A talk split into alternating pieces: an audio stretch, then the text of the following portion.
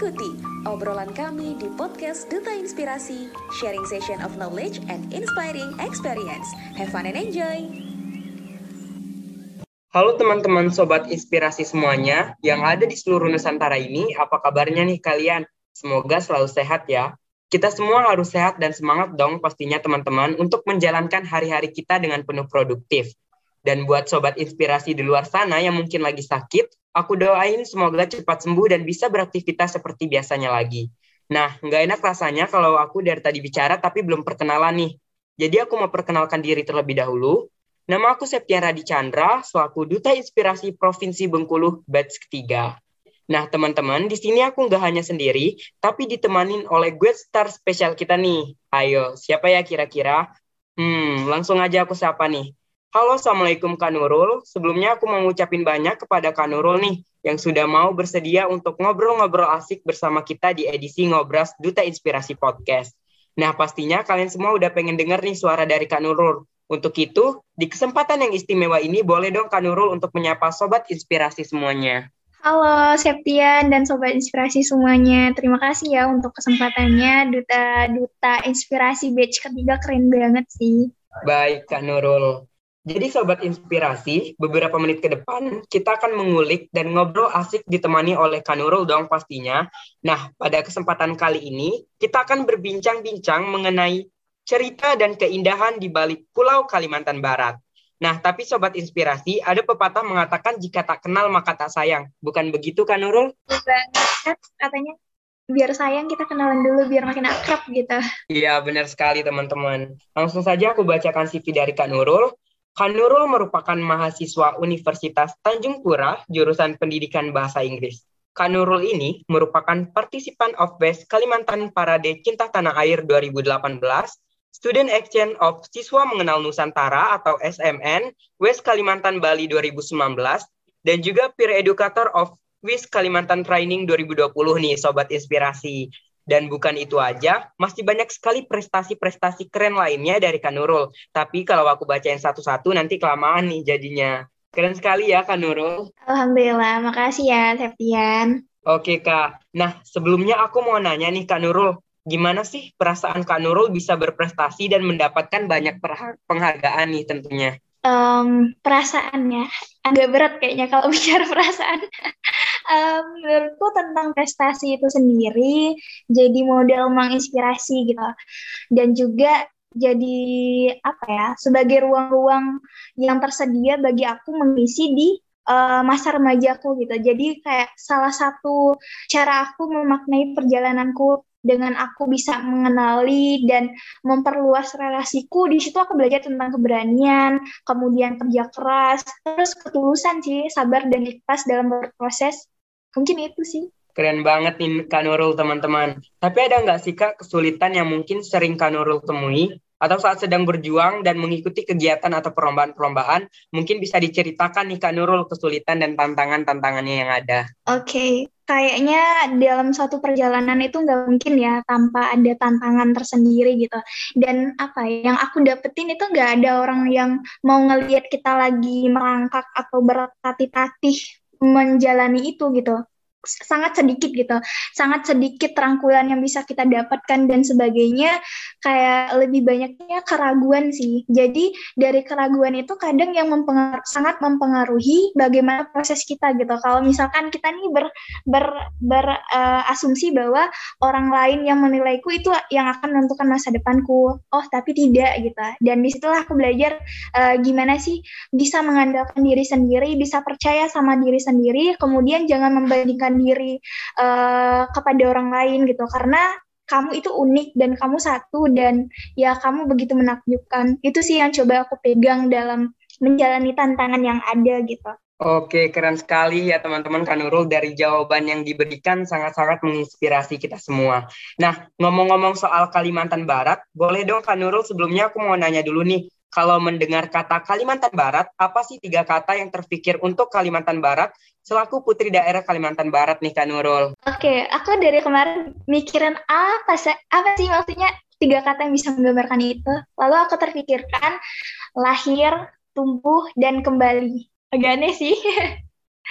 Widih, kenapa tuh pilih tiga kata itu Kak Nurul? Kalau boleh tahu nih. Um, ya, aku coba merepresentasikan lahir, tumbuh, dan kembali dan Kalimantan Barat itu di dalam diri aku karena Kalimantan Barat juga tentu tumbuh dengan uh, apa ya tanpa uh, bisa kita bilang tidak terus ada masalah gitu. Ya mungkin itu belum terlihat uh, lahir itu kenapa? Uh, tidak bisa dibohongi bahwa Kalimantan Barat uh, jadi salah satu yang memberikan keindahan, keberagaman bagi orang-orang di dalamnya. Kemudian tumbuh atas menariknya keberagaman itu dan kemudian kembali uh, maksudku adalah setelah kita berada di keberagaman dan kemenarikan ini, tentu kita akan menggali lebih dalam ilmu pengetahuan dan sebagainya. Dan kembali di sini maksudku adalah dalam kita mengarungi luasnya semesta ini, dimulai dari tanah kita sendiri, Kalimantan Barat, kemudian kembali untuk memberikan kontribusi terbaik bagi Kalimantan Barat. Itu sih kayaknya. Wow, luar biasa sekali ya Sobat Inspirasi. Simple namun bermakna sekali. Septian dan Sobat Inspirasi semuanya mungkin juga pada penasaran nih Kak Nurul, di balik keindahan Pulau Kalimantan Barat ini, kan pasti ada ceritanya ya. Misalnya saja kayak kebanyakan wisata-wisata atau tempat yang indah itu dulunya terdapat cerita atau makna dan bahkan nama tempat tersebut namanya diambil dari kisah-kisah dan cerita yang ada. Nah, boleh dong Kak Nurul diceritain ini keindahan di balik Pulau Kalimantan Barat ini apa?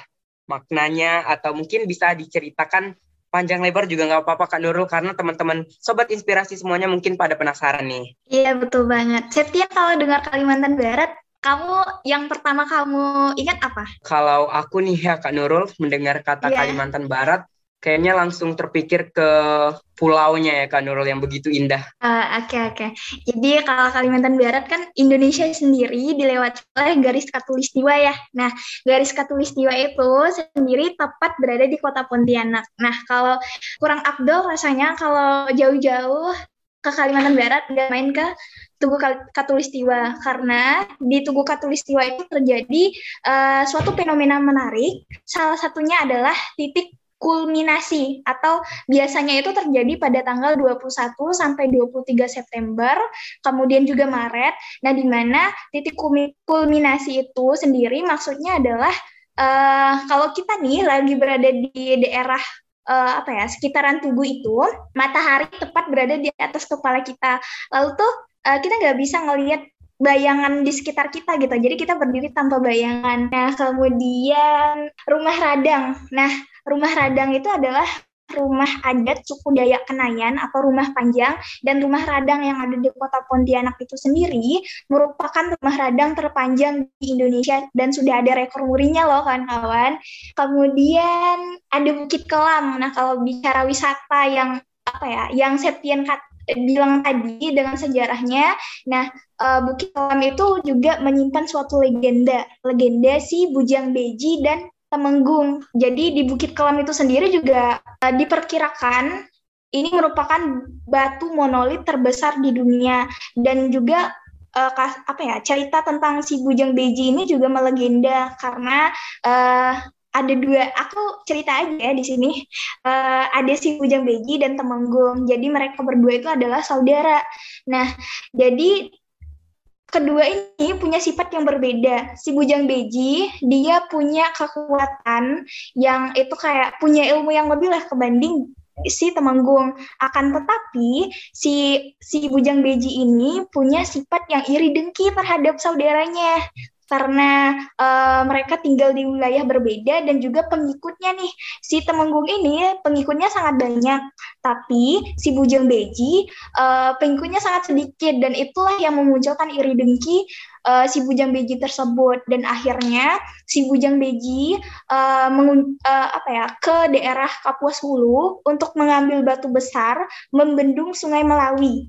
Uh, karena si Temenggung ini punya uh, ikan yang di, dia dapatkan itu lebih banyak kebanding dengan si bujang beji. Akhirnya niat si bujang beji ini tergagalkan oleh dewi-dewi tayangan yang hadir pada saat itu membatalkan niat apa ya niat buruk lah si Bujang Beji untuk menutupi Sungai Melawi dan akhirnya karena satu kasus saat dia membawa batu besar itu dia menginjak duri besar dan itu sangat menyakitkan dan pada akhirnya batunya terjatuh di Nangajeta namanya Nangajeta tuh kayak perbatasan gitu lah nah karena dia sangat marah tadi dia ingin mengajar si Dewi Kayangan Nah, dia menggunakan akhirnya Dewi Kayangan itu kan pergi ya.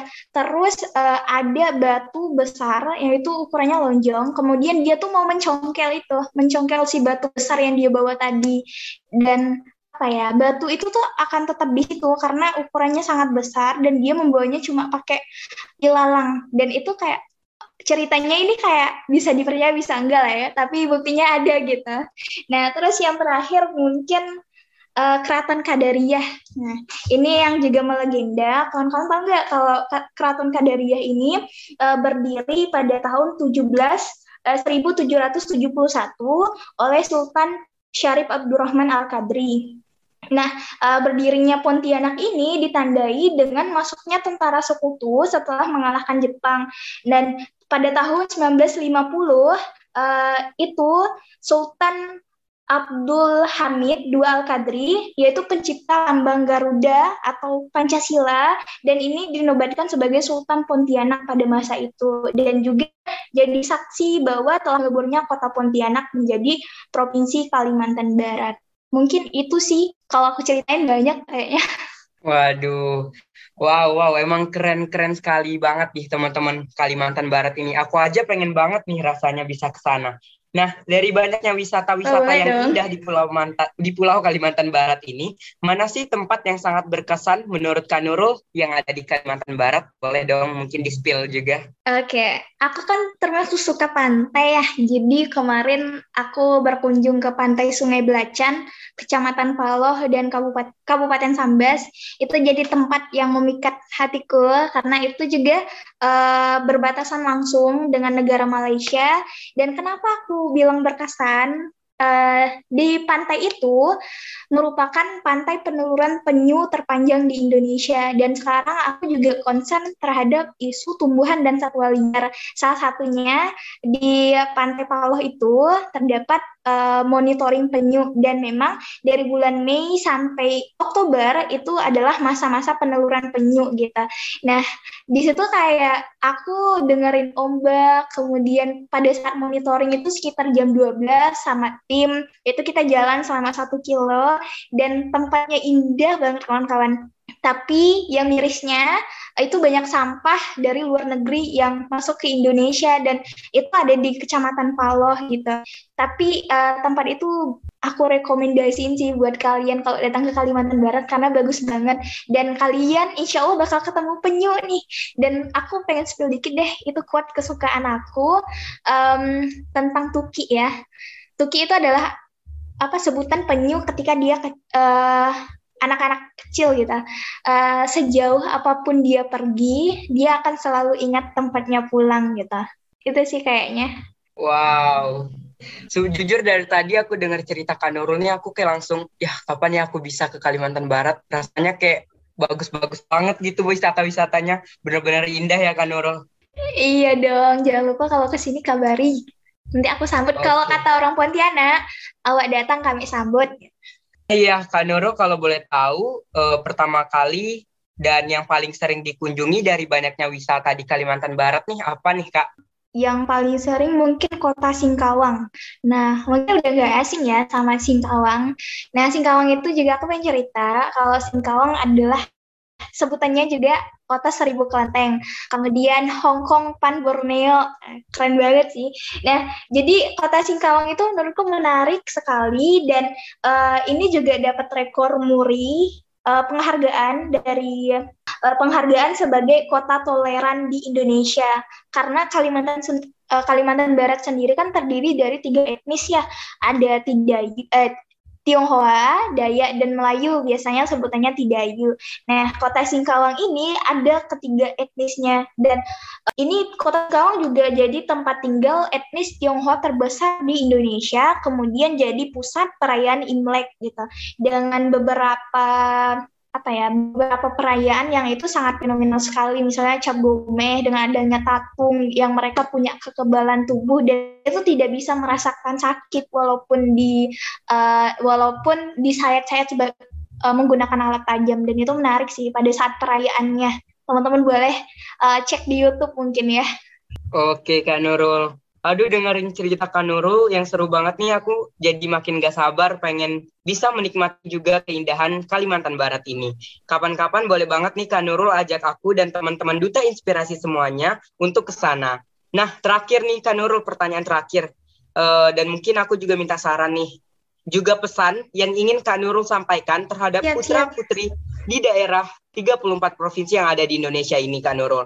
Karena jika kita melihat masih banyak sekali pemuda-pemudi daerah yang justru tidak bisa merawat dan menjaga kelestarian tempat-tempat yang sangat indah yang ada di daerahnya masing-masing nih Kak Nurul. Oke, okay. karena kita berbicara tentang cerita unik dan keindahan khususnya di kita sendiri anak-anak muda yang harus segera sadar. Semoga hari ini jadi titik balik anak muda tumbuh dan lahir kesadarannya tentang keunikan dan keindahan dan semoga jadi jalan Tuhan untuk mengingatkan bahwa kita satu masih punya sumbu ikat padu, kemudian untuk bisa saling melindungi dan mencintai anak muda dengan segala potensinya, layak jadi lokomotor penggerak uh, literasi hidup berkelanjutan. Dan kita masih punya banyak waktu kawan-kawan dan kita bisa melakukannya bersama-sama hari ini. Seperti apa yang dilakukan teman-teman Duta Inspirasi batch ketiga, semoga selalu menginspirasi, kuatkan lagi dengan bergerak, dengan berserikat, berkumpul, suara kita akan jauh terdengar lebih keras dan lantang. Itu sih tetap semangat dan sehat selalu karena tahun depan sudah 2022. Semoga resolusi yang kita buat itu bisa segera kita laksanakan dan jadilah yang berniat bernilai dan bermanfaat bagi Oke Kak Nurul, terima kasih banyak Kak Nurul. Kak Nurul ini emang udah sangat-sangat keren banget sih teman-teman dari tadi penyampaian dan cerita-cerita bareng kita. Uh, para sih ini dari tadi kita ngobrol asik episode 3 kali ini nggak kerasa udah mau selesai aja teman-teman. Seru banget dong Sobat Inspirasi tentunya kita bisa langsung berbincang-bincang bersama Kak Nurul yang sangat luar biasa ini. Nah jadi teman-teman diingat ya pesan-pesan dari Kak Nurul tadi bahwa kita selaku pemuda dan pemudi daerah harus dapat menjaga dan mengembangkan keindahan yang ada di daerah kita. Mungkin itu dari teman-teman semuanya, Sobat Inspirasi di mana pun kalian berada. Terima kasih telah mendengarkan podcast kita yang sangat-sangat seru ini dari awal hingga akhir. Aku Septian Radi Chandra mengucapkan terima kasih banyak dan juga mohon maaf apabila dari berbincang-bincang tadi ada kesalahan kata.